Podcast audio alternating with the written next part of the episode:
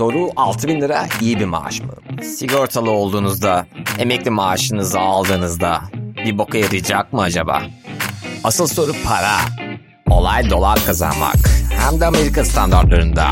Burada Türkiye'de bu podcast'te uzmanlarıyla bunu nasıl yapabileceğinizi konuşuyoruz.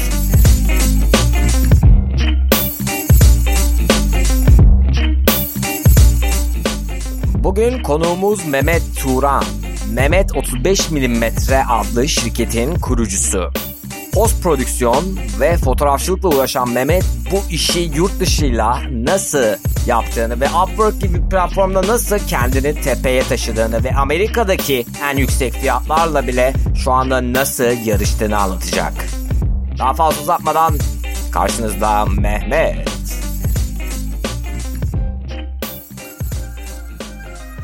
Biraz kendinden bahseder misin? İsmim Mehmet Turan. Yaşım 47. Uzun zamandır freelance olarak grafik tasarımcı ve fotoğrafçı olarak çalışıyorum. Daha öncesinden yaklaşık 20 seneden fazla bir kurumsal hayattan geçtim. Herkesin hikayesi biraz farklı oluyor ama benim yükselişim bir yerde durdu ve o hayat artık beni çok cezbetmeyince ortaokuldan beri hep bende bir tutku olan fotoğrafa yönelmeye karar verdim. Dedim ki bu kadar kurumsal hayatta çalıştığımız yeter. Ayrılalım bir de bunu bir deneyelim. En azından bir gün ölüm döşeğinde yattığımızda denemedik demeyelim dedim. Öyle söyleyeyim. Muhteşem. Ya bak ben mesela bu detayı bilmiyordum sizle ilgili. Hani böyle bir background'ınız olduğunu bilmiyordum. Bu çok ilginçleştirecek bence bu sohbeti. Biz Mehmet abiyle Upwork'ün bir grubu var. WhatsApp grubu, İstanbul grubu. Orada ben gördüm kendisini ilk zaten çünkü tepede yani listenin tepesinde ve aramızda en tecrübeli olan freelancer diyebilirim. Ne süredir Upwork'tesiniz?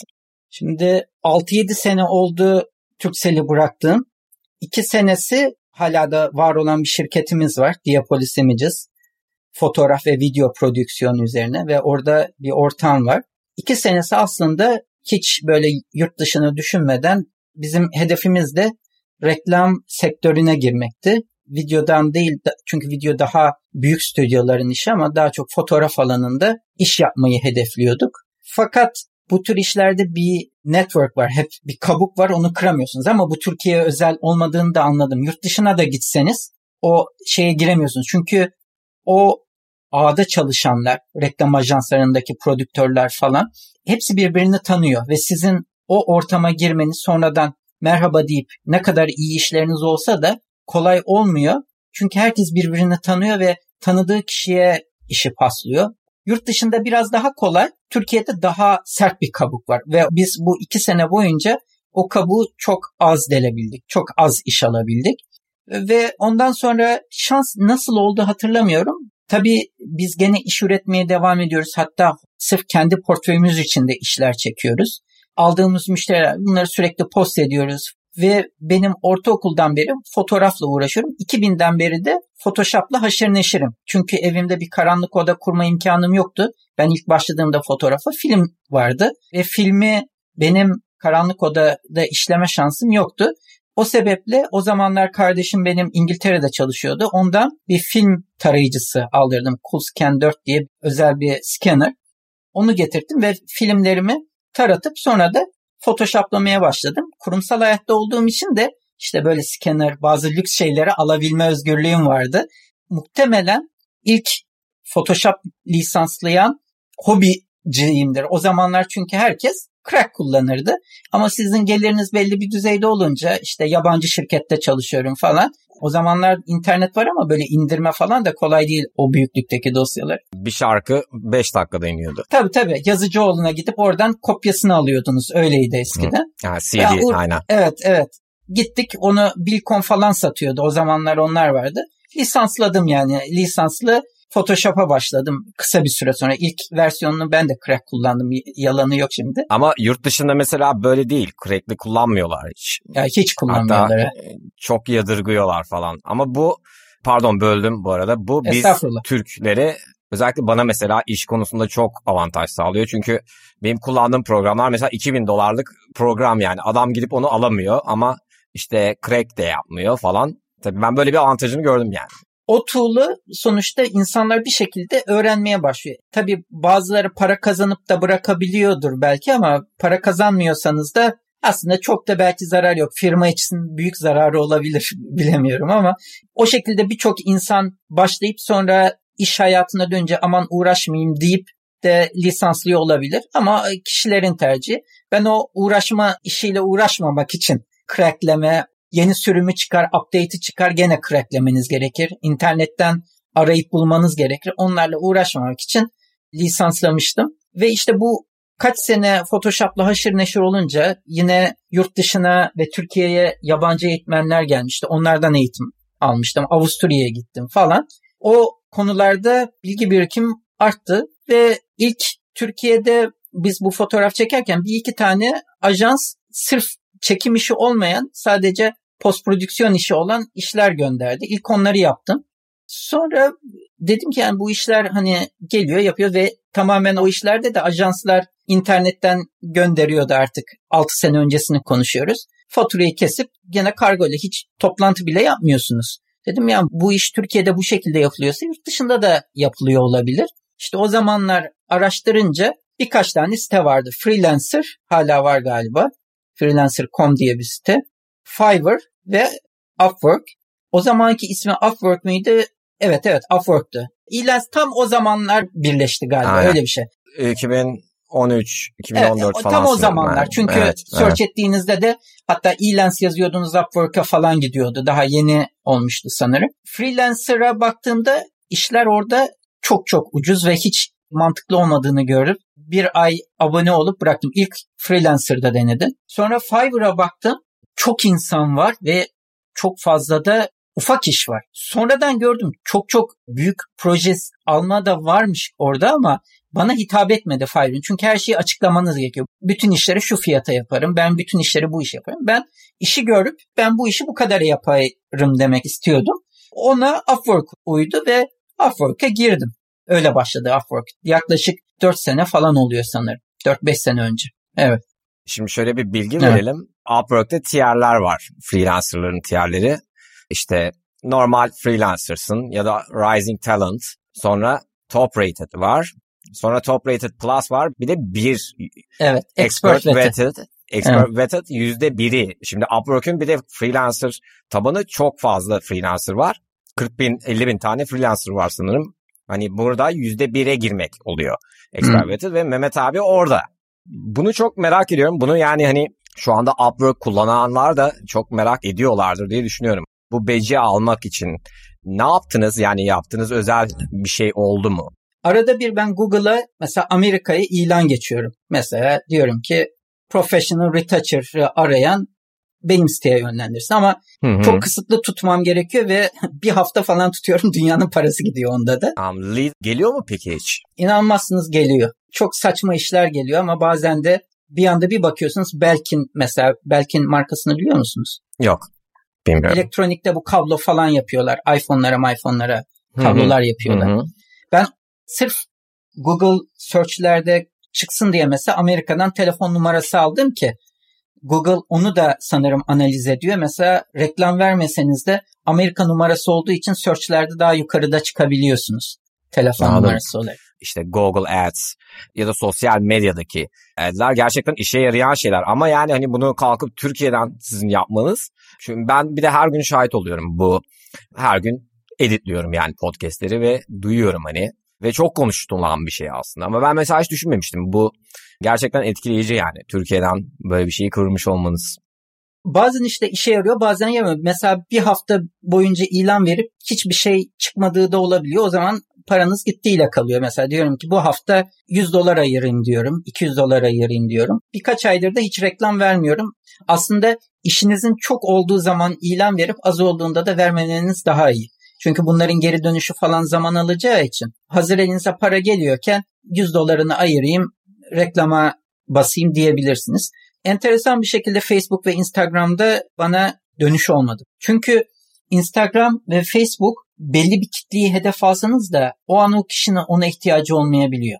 Ama mesela bir fotoğrafçı diyelim ki Amerika'da fotoğrafçı eline bir iş geliyor ama kendi başına onu yapamayacağını anlıyor. Diyor ki expert retoucher bilmem ne diye search ediyor Google'da. Yapacağı ilk iş o. Çünkü ihtiyacı var o an.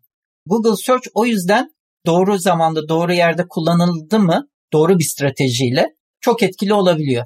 İşte ben bu expert vet'e girmeden önce hep müşteri şeyimi de genişletmeye çalışıyordum. Yani Upwork'tan gelenler Upwork'ta kalsın ama başka bir yerden gelenler de ayrı bir kanal olarak bana olsun. Nereden olduğunu ben işte o sebeple bilmiyorum. Nasıl beni şey yaptılar. Ve ben bu network'ümü arttırmak için ajanslara da yurt dışında bizim iş için muhtemelen sizin işler için de ajanslar vardır. Yani işi bulup size paslayabilecek yerler. Çünkü büyük markalar gel sen bize bunu yap çoğunlukla demiyor. Bir iki marka var mesela Apple'ın bunu yapan ekipleri var ama çoğu marka bir ajansla çalışıyor. Ajans sizi buluyor. Yani agent, menajer değil. Ben menajerlere de mail attım mesela. Sıfır dönüş oldu. Ve böyle başka retoucher'ın podcast'iydi sanırım. Dedi ki boşuna agentlara şey atmayın siz content üretip internete atmaya devam edin. Onlar sizi bulacak. Ve işte bütün oradan bu expert vetide gelme şeyim bu şekilde oldu. Bir gün bir baktım mailbox'ında bir mail sizinle bir görüşmek istiyoruz Upwork. Tabi burada siz ne oluyor diyorsunuz. Upwork'ün de bununla ilgili ekipleri demeyeyim de kişiler var. Ee, evet, hani... bir menajer var o yüzden buraya geldim işte. Evet evet onu biliyorum ama burada demek ki o zaman şey oluyor bence. Yani siz aslında Upwork profilinize baktığımda ya da işte bu anlattığınız şeylere baktığımda yani tam kapsamlı bir şekilde çok ciddi bir business yönetiyorsunuz yani. Biraz background research sonrasında belki olan bir şey var. Çünkü şöyle bir şey var. Mesela aynı bizim WhatsApp grubunda 100k yapan adamlar var. Ama top rated plus expert vetted değil. Hani bir sürü tabii layer vardır da aynen tam olarak tabii bilemiyoruz. Her iş dalının kazanabileceği para çok farklı. Yani bir bilgisayar programcısının talebi fazla ve ücretler daha fazla. Görüyorum Upwork'ta milyon dolarlık şans eseri gördüm. Bir projeye bakarken bir baktım sayeden de 1 milyon doları 1.2 milyon doları geçmiş. Tabi Amerikalı birisi ama danışmanlık hizmeti veriyor. Dedim demek kazanılabiliyormuş yani kazanan kazanıyor. Ama tabii ülkenin çok büyük avantajı var. Şimdi siz Amerika'da olduğunuzda, İngiltere'de olduğunuzda daha çok isteme rahatlığınız var. Çünkü o kişiyle birincisi ha diyor aynı ülkedeyiz diyor. Hayat standartlarını biliyor. Bu kalibredeki birisi bu parayı normal olarak ister gibi bir görüş oluşuyor. Upwork'ün güzelliği bence şu. Mesela ben 25 dolara çalışıyorum saatliği. Hı. Adam giriyor. Bir tanesi Amerika'dan, bir tanesi Türkiye'den. Ama adam girip baktığında yani ben orada 3500 saat çalışmışım. 70 tane iş bitirmişim. Çok iyi feedback almışım müşterilerimden. Öbür tarafa baktığında ama bunu göremeyince işte bu yüzden aslında Upwork çok iyi. Yani evet sizin söylediğiniz doğru ama bir yandan da orada ne yapabildiğinizi gösterme imkanı tanıdığı için çok da önemli olmayabiliyor yani hangi ülkede olduğunuz. Doğru. Bazı işlerde hiç önemli olmayabilir. Bazı işlerde mesela danışmanlıkta falan aynı ülkede olman önemli olabilir. Zira belki uçağa atlayıp yanınıza da gitme imkanı olabilir. Bizim yaptığımız işlerde bütçeler çok büyük olmasa da her yerden yapılabilir ve biraz da kişinin yeteneğini gösterdiği bir yerler. Ve benim söyleyeceğim benim şu anki saatlik ücretime bakıldığında artık yani Amerika'daki en pahalılarla eşit düzeyde ücret charge ediyorum. Zaten başvuru mektubumda da diyorum ki muhtemelen şu ana kadar aldığınız en yüksek teklifi aldınız. Ama buna değerim demiyorum da o mihvalde bir şeyler söylüyorum. Ben pro üye olduğum için hani diğer en yüksek, orta ve en düşük teklifleri görüyorsunuz. Ben teklif verdikten sonra genellikle bir süre sonra tekrar bakarım. En yüksek teklif benim verdiğim teklif olarak duruyor orada. Yani ben aldığım zaman en yüksek teklif olarak alıyorum. Belki Upwork'ün şeyi de bu. Yani bakıyor diyor ki bu yüksek olmasına rağmen hep en yüksekleri veriyor. Çünkü Upwork'ın kazancı nedir? Ne kadar fiyatlar yukarıda olursa aldığı yüzde o kadar fazla olacak. Daha çok kazanacak. Neye göre seçtiğini bilmiyorum. Portföyünüze bakıyordur, kazancınıza, uyguladığınız strateji olabilir. Bana hiçbir şey söylemediler ama bütün bu olaylar olduktan sonra bir kişi sizde iki defa mülakat yapıyor. İlk bir mülakat yapıyor. Neyi nasıl yaptığınızı ve söylediğiniz işleri yapıp yapmadığınızı anlamaya çalışıyor. İlk sefer olduğu için çünkü daha expert benle başladıklarında daha expert vetted duyurulmamıştı. Size duyurulmadan önce ulaştılar yani öyle mi? Evet evet evet.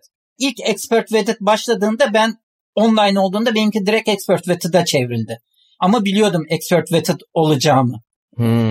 İki Çünkü defa- iki- yaptılar. Evet. Birinci yaptılar, ikinci yaptılar. İkincinin sonunda dediler size Expert Vetted diye bir program başlatacağız. Menajeriniz bu kişi ama bunun sonuçları kısa zamanda olmayacaktır. Çünkü elimizde bu kategoride bir müşteri de yok. Biz büyük markaları bu kategoriye çekmeye çalışacağız. Böyle bir sistem kurulacak diye. Muhteşem. Yani sizde kolaborasyon yapıyorlar aslında. Sizi bir asset olarak kullanıp Evet. alan memnun, satan memnun oluyor yani. Ama Muhteşem. şöyle söyleyeyim şu ana kadar her ne kadar her şey muhteşem olsa da yani daha henüz bir müşteri gelmiyor. Çünkü o seviyede müşterileri de nereden çekeceksiniz? Başka reklam ajanslarından veya başka yerlerden koparıp bize gelin demesi lazım. Kolay iş değil. Hani önce tavuk sonra yumurta ilk sanırım yumurtaları oluşturup yığıp sonra da bakın elimizde böyle talent pool'u var. Bize gelin bir deneyin falan diyecekler diye tahmin ediyorum. Siz şunu öngörüyorsunuz yani. Demek ki belli bir aşamada ve daha aslında tam olarak gerçekleştirilmiş değil. Ee, Değil. Onların kafasındaki şey. Bir de şu var. Şu anda standart bir müşteri diyelim ki bir işte foto post prodüksiyon işi oldu. İlanlara bakıyor. Size baktığında sizi expert vetted olarak görmüyor. Görmüyor. Hani Premium görmüyor. olması lazım. Premium olması lazım. Hı. Enterprise olması lazım. Hı. Şu ana kadar bir müşteri öyle beni görebildi. Ben de hatta menajerime dedim bari bu işler büyüyene kadar expert vetted'ları görülebilir kılın ki en azından diğer müşteriler görsün bu çektiğimiz yüksek fiyatları biraz şey yapsın ama o zaman da belki çok diğerlerine karşı mı şey olacağını düşünüyorlar. Hatta top rated plus bile gözükmüyor sanırım normal Yok, bir müşteriye. yok o da gözükmüyor. Sadece top rated olarak gözüküyor Evet. normal müşterileri. Ya çok ilginç bilgiler. Şimdi şeye ama gitmek istiyorum geri. Dediniz ki corporate bir geçmiş. Hı. Sorum şu. Freelance olarak çalışmak ve tam zamanlı çalışmak arasındaki artılar, eksiler nedir? Benim çalıştığım firmalar hep teknoloji firmalarıydı. Süper Online'ın kuruluşunda çalıştım ben Türkiye'de. Daha 5. giren kişiyim Süper Online'a. Üniversiteden mezun olduğumda Süper Online'dan girdim. 2000'lerin baş, e, 1996. 96. 96. 96'da girdim kurumsal hayata öyle diyeyim. Hep teknoloji firmalarında, ISP'lerde çalıştım. En son işi bıraktığımda Türkcell'de çalışıyordum genel müdürlükte. Şimdi kurumsal hayatın birincisi en büyük artısı ay sonunda elinize geçen maaşı 3 aşağı 5 yukarı biliyorsunuz. Brütte çalışmıyorsanız sürekli devlet kesiyor biraz değişiyor ama yani sonuçta maaşınızı biliyorsunuz. Büyük bir rahatlık bakıldığında. Özellikle iyi bir işiniz varsa size başta anlattığım tüm oyuncakları alma özgürlüğünüz var. Çünkü bir freelancer'ın gidip de bir hele şu dolar kuruyla gideyim de kendime yeni bir iMac alayım demesi kolay olmuyor şey olarak. Alanda alıyor ama. Böyle bir şey de var. Alanda alıyor. Zaten bunları yatırım gözüyle bakmak lazım. Eğer kurumsal hayatın bana öğrettiği bir şey her şeye ROI, Return of Investment olarak bakmanız lazım. Türkcell'de genellikle bir projeye gi- girileceği zaman bu projenin parası harcayacağımız para 6 ayda veya 1 yılda çıkar mı? Çıkarsa girelim diyordu. Çünkü bir freelancer için de ben bu alacağım iMail'in parasını 6 ayda 3 ayda çıkartabiliyorum diyorsanız alabilirsiniz yani 3 ayda aslında hiçbir şey belki kazanmıyorsunuz ama o sizi devam ettirecek. Belki bir 6 sene daha o IME'ye kullanacaksınız ya da bir 10 sene daha kullanacaksınız. Öyle bakmak lazım. İşte bu en büyük şey o maaş şeyi. İkincisi sosyal ortam. Belki bir banka ortamında sosyal ortam daha farklıdır ama teknoloji firmalarında daha arkadaşvari, rahat bir ortam var. Her ne kadar shortla işe gidemeseniz de bazı çoğunlukla mesela Turkcell'de de, Süper Online'da da tişört ve kotla da çoğu gün işe gidebilirsiniz. Satışta çalışmıyorsanız satış farklı bir şey. Yani rahat bir ortam ve insanlarla etkileşim içinde olmak aslında güzel bir şey. Freelancer hayatıyla kıyaslandığında. Freelance ortamında da bir patronunuz yok. Çünkü nerede olursanız genel müdürün bile kurumsal hayatta bir patronu var. O da yönetim kurulu. Her zaman birilerinden zılgıt yeme ihtimaliniz var ya da niye bunu böyle yaptınız deme şeyi var. Özellikle yaş büyüdükçe siz bu tür şeyleri kabul edebilir olmuyorsunuz. Orası bir piramit gibi. Yani siz aşağıdayken başladığınızda sizi rahatsız etmiyor. Üstlere çıkmaya başladığınızda bu normal yani herkes piramidin tepesine çıkamayacak. Daralıyor. Ve bazı insanlar oldukları yerde kalıyor. Mesela ben o kalanlardan biriyim ama yanınızdaki başkaları çıkmaya devam edebiliyor. Bu sizi rahatsız ediyor. Belki o kişi gerçekten hak ediyor. Bazen ediyor, bazen etmiyor. O, ona şey yapamıyorum ama bir bakıyorsunuz sizden daha genç kişiler sizin müdürünüz hatta müdürünüzün müdürü olmuş. Aslında çok öyle bakmamak lazım ama sizden genç birinden, yaşça genç birinden şunu şöyle yap, bunu böyle yap demesi belli bir yaştan sonra artık çok kaldırılabilir olmayabiliyor. Bazıları da kaldırır. Hiç yurt dışında daha bu şeyler tolere ediliyor çünkü oradaki toplum bunu daha kabullenmiş ve yönetici olmak gibi bir şartlanma yok yani toplum tarafından. Ben yurt dışında da çalıştım. Amerika'da da iki sene çalıştım teknoloji firmasında. Orada baktığınızda 65 yaşında bir programcı görebiliyorsunuz ve en alt seviyede ama olabilecek en yüksek programcı. Kimse ondan yönetici olmasını beklemiyor. O da hayatından memnun. Türkiye'de ama toplum size ya sen niye orada çakıldın kaldın? Hadi sürekli iş değiştir. Ha müdür ol, müdür ol. Herkes müdür olmak için yaratılmış değil. Kolay iş değil çünkü müdürlük yapma.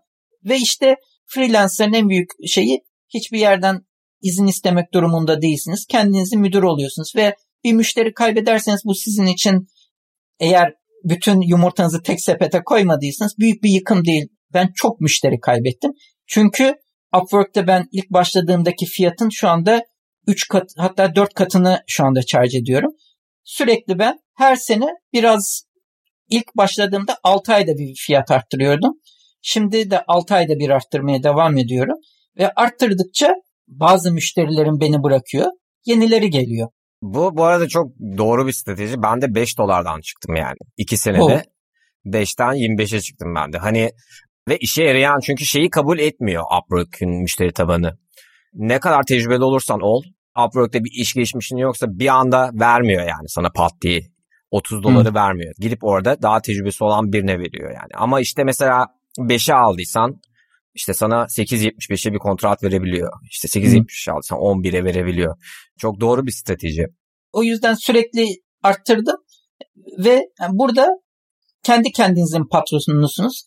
Kendi yaptığınız hatalar müşteri kaybettiriyor. Kendi yaptığınız işler e, kazandırıyor. Tabii bunun dezavantajı hep yalnızsınız. Evet kesinlikle katılıyorum ya. Yani freelancer olmanın bence en kötü yanı bu zaten.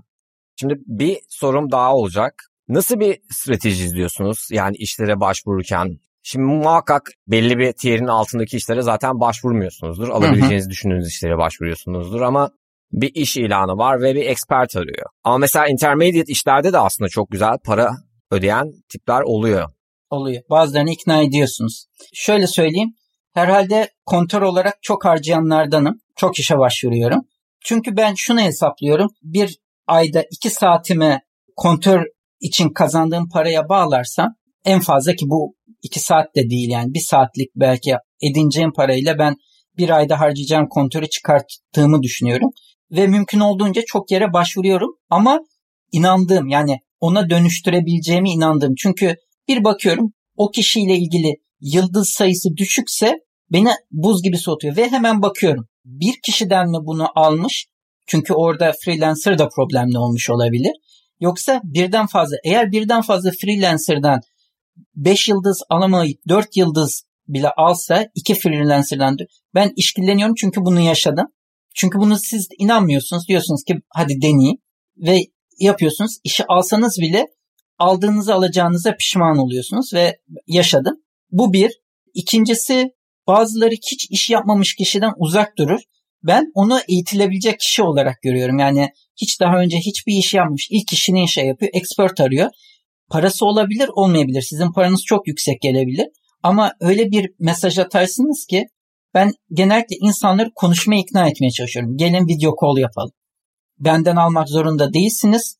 Sizinle bir konuşmak isterim. Konuşalım. Ondan sonra kararınızı verirsiniz diyorum. Ve video call yaptıklarımın %80'ini genellikle alıyorum. Ama orada ben gene o kişiye satmaya çalışmıyorum. Yani hani, bilgi veriyorsunuz. Evet bilgi veriyorum. Niye bu fiyatı böyle verdim? Hı-hı. Sebebi nedir? Gelin benden alın falan demiyorum. Hatta bazen diyorum ki ya bu iş için ben size lüks kalırım dediğimde olmuştur yani. Gidin ileride uygun bir şey çıktığında konuşuruz ayrıca diyorum.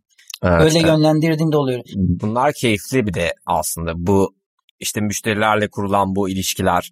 E, bu arada evet. ben de yapıyorum. Ya yani bu yaptığınız her şeyi ben de yapıyorum ve yani hani tamamen birbirimizden habersiz aynı. Ha. Demek ki işe yarayan bir strateji ki işte pardon böldüm. Devam ee, estağfurullah.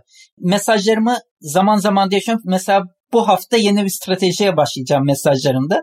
Sürekli mesajlarımı değiştiriyorum. Neyin işe yaradığını anlamaya çalışıyorum. Yani uzun tutmamı, kısa tutmamı. Mesela mesajın içinde ben aslında expert veted'ım siz göremiyorsunuz demek işe yarıyor mu? Hiç demesem mi daha iyi? Hepsini test ediyorum ve tabii bu testin bir sonucu var. Bazı şeyler işe yaramıyor ve müşteriyi belki o yaptığınız denemeden dolayı da kaybediyorsunuz. Yarıyor Ama, mu peki? Expert vetted, expert vetted demek. bence yaramıyor. Yaramıyor. tamam. Çünkü görmüyor ve ya siz expert vetted'ım deseniz ne olacak demeseniz ne olacak? Upwork bunu şey yapmıyor. Konfirme etmedikten sonra dediğim stratejilerden biri bu hafta expert vetted iki haftadır deniyordum. Şimdi pull ettim. Yani sırf profilimde bahsediyorum ama mesajlarımın içinden çektim expert vetted'ım demeyi. Onun yerine Creative Pool diye İngiltere'de bir site var. Oradan işte bu senenin en iyi 25 3D artistinden biri seçildim. Onu koydum mesela. Bakın bu işe yarayacak mı gibi. 3D artist derken? 3D... Evet aslında 3D yapmıyorum. Şöyle başladı. İşte her şey bir işi doğuruyor. Ben bu arada Creative Pool'a da söyledim ama onlar gene de bu payı verdi. Aslında ben 3D işi yapmıyorum. Başkasına outsource ediyorum. Gene bir Türk arkadaşım var. Hatta o da kendisi de freelancer ve Phuket'te yaşıyor. Ama o Upwork'ta değil. Ben orayı manage edemiyorum dedi. Sen benim adıma iş al. Zaten işi ben yükleniyorum. 3D kısmını ona veriyorum. O 3D dosyalarını bana gönderiyor. Post processing'ini ben yapıyorum. Müşteriye gönderiyorum. Yani aslında işin bir kısmını outsource ediyorum. Hatta bana gelen bazen işler oluyor. Bu tracing denilen silüet alma işi. Yani arkayı şeffaf yani bir şeyi kesme işi.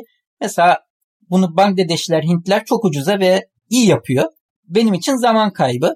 Ben mesela o işi de outsource ediyorum. Bana böyle bir proje içinden trace etmem gereken bir şey geldiğinde hepsini ilk onlara atıyorum. O arada ben kendi retouch kısmını yapıyorum. Onlardan mask denilen kısım geliyor. Onu üstüne oturtuyorum, gönderiyorum. İş hızım artıyor. Bu yüzden de ben minimumda saatlik değil, genellikle proje bazında bir fiyat veriyorum. Tabii böyle işleri de, ucuz işleri de ben oraya havale ettiğimi bildiğim için bazı durumlarda en pahalı veya da bir sonraki fiyat çekene yakın bir fiyat verebiliyorum. Sonuçta yani kar ediyorsunuz çünkü başka tabii, birini outsource ettiğiniz için Bangladeşli aynen, birine aynen yani öyle, her halükarda yine kar ediyorsunuz. Aslında her şeyi ben yapacağım dememeli bence. Siz orada kontrol edici olmanız lazım. Bir iki işte de mesela kayıba uğradım. Bu 3D işi değil mesela başka bir şeye outsource ettim. İstediğim gibi çıkmadı. Ben onu o şekilde müşteriye gönderemem. Başka bir kişi buldum. Çünkü benim de yapabileceğim mesela bazen çok teknik bir şey oluyor işin. Sadece ben son kısmını halletmem gerekiyor. Tekrar başka kişiye verdim. O zaman ne oldu? İki defa şey yaptı. Ama onu da yedim. Yani bu işte de o var. Yani siz o kar etme şeyini alıyorsanız o riski de alabilmeniz lazım. O yüzden de birine bir birime veriyorsanız bir nokta ona verirseniz çok kötü. Siz bire birisine outsource ediyorsanız onu bir buçuk olarak müşteriye faturalayabiliyorsanız ve o fiyata satabiliyorsanız o riski üstlenebilirsiniz. Çünkü mesela 10 işten bir tanesini o şekilde kaybedersiniz sizi çok acıtmaz. Ama siz öyle bir onlar bir onlarla iş yaparsanız bir işi kaybedersiniz. Bu sefer bir on kaybetmiş olacağınız için çok büyük kayba uğrarsınız. Çünkü ikinci defa yaptırdığınızda gene birine bir daha vermeniz lazım. Bir de bence insanların ben işveren olduğum zaman gördüğüm portföyleri çok zayıf. Yani portföyden zayıf, sunma tekniği çok zayıf. Ben portföyünüzü paylaşın diyorum, bana PDF gönderiyor. Ama benim beklentim bir web sitesi görmek, bir Behance profili veya da bir Illustrator ise Dribble adresini görmek isterim. Hani birisi bana Instagram linkini gönderdiğinde beni hiç cezbetmiyor açık söyleyeyim. Ufacık ufacık karelerden ben o kişinin ne kadar iyi olduğunu grafik tasarımcı olarak göremem yani. Yani sizi aslında özel kılan ve aslında expert vetted yapan sizi bu özelliğiniz bence. Çünkü işi sadece bir freelancer boyutuyla değil bütün her boyutuyla ele alıp bunu çok iyi manage etmeniz. Yani böyle olması gerek. Zaten gerçek profesyonellik bence de budur. Hani benim de hala yok web sitem. Bir tane yapsam ama biliyorum çok işime yarayacak yani. yani. Web sitesi bence çok önemli. Eğer web siteniz yoksa da bedava ama portföy oluşturabileceğiniz ortamlar kurun. Yani bir link verebileceğiniz dediğim gibi Adobe'un Behance'i var. Yani gidip tık tık tık tıklayıp görselleri görebileceği, videoları izleyebileceği bir Vimeo şey olabilir. Web sitesi çok pahalı diyorsanız ki bence değil. Mesela Squarespace'de falan çok pahalı şeyler değil. Sizi daha profesyonel gösteriyor. Tasarımınız, bir logonuz, bir şeyiniz sizi daha görünür ve profesyonel kılıyor bence. Evet kesinlikle. Ben şey yapıyorum.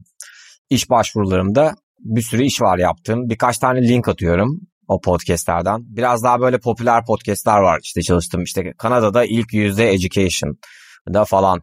Ve yazıyorum hangi ülke olduğunu. Bir de bu dinleme ve bir tek edit ama yani dinleyip anlama da olduğu için işte mesela Avustralya'dan bir tane link.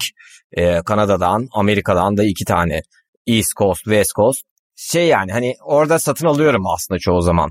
Hı hı. Ben bir de her gün size davetiye geliyorum peki paralı olduktan sonra şey davet oranları çok çok düştü bence. Ben her gün iki tane reddediyorum ya. Bana geliyor Oo, yani. İşte bu sektörel bir durum bence. Yani grafik tasarımcı çok fazla. Ee, zaten tahminim Upwork da yeni gelenleri reddediyor. Yani grafik tasarımcıları. Ama bazı sektörler çok büyüyor. Ses, video edit. Çünkü benim bir arkadaşım başvurdu dün. Anında kabul etmişler. Aynı kişi aynı zamanda retouch da yapıyor diyelim ki şey yapıyor reddediyorlar hemen. Çünkü çok fazla var artık. Futur diye bir kanal var YouTube'da. Hiç izlediniz mi bilmiyorum. Christo diye birisi dinleyicilere şiddetle tavsiye ederim. Creative insanlar için satış stratejileri anlatan bir kanal. Daha çok bunlar üzerine şey yapıyor. Kendisi grafik ve motion grafik artist ama artık tamamen bu eğitim işlerine adamış. Yani stüdyosunu kapatmış ve böyle değişik bir karakter. Yani Nasıl yazılıyor gibi. bu arada? Bunları da yazacağım. Future'ın, Future'ın sonunda E olmayan hali. E'sini uçurum. Evet. Futur diye diyeyim. Ya çok teşekkür ederim. Eklemek istediğiniz bir şey var mı peki? Eklemek istediğim bir şey yok. Sorusu olan bana Twitter'dan ulaşabilir. Twitter'da et 35 mm. Zaten sitemde 35mm.com uzun uzun Türkçe yazıldığı şekliyle. Hepsini yazacağız. Hepsini yazacağız. Evet. Bir de Instagram'da Meturan. Bir sorunuz olursa imkanım vaktim el verdiği zamanlarda dönerim. Mutlaka dönerim de biraz zor olabiliyor bazen. Çok teşekkür ederim tekrar. Rica ederim. Daha fazla zamanınızı almayayım. Bir kere daha yapalım yani. Çünkü tamam. e, anladığım kadarıyla söyleyecek çok şeyiniz var. Valla biz de duymak isteriz yani tamam. daha söyleyeceklerinizi. Bir, bir tur döndürün siz ondan sonra tekrar yaparız. Evet Mehmet Turan bize gerçekten inanılmaz inanılmaz bilgiler verdi. Ben de ona bir kez daha teşekkür ediyorum. Show notlarımızda kendisine ulaşabileceğiniz linkleri bulabilirsiniz. Bir dahaki bölümde görüşmek üzere.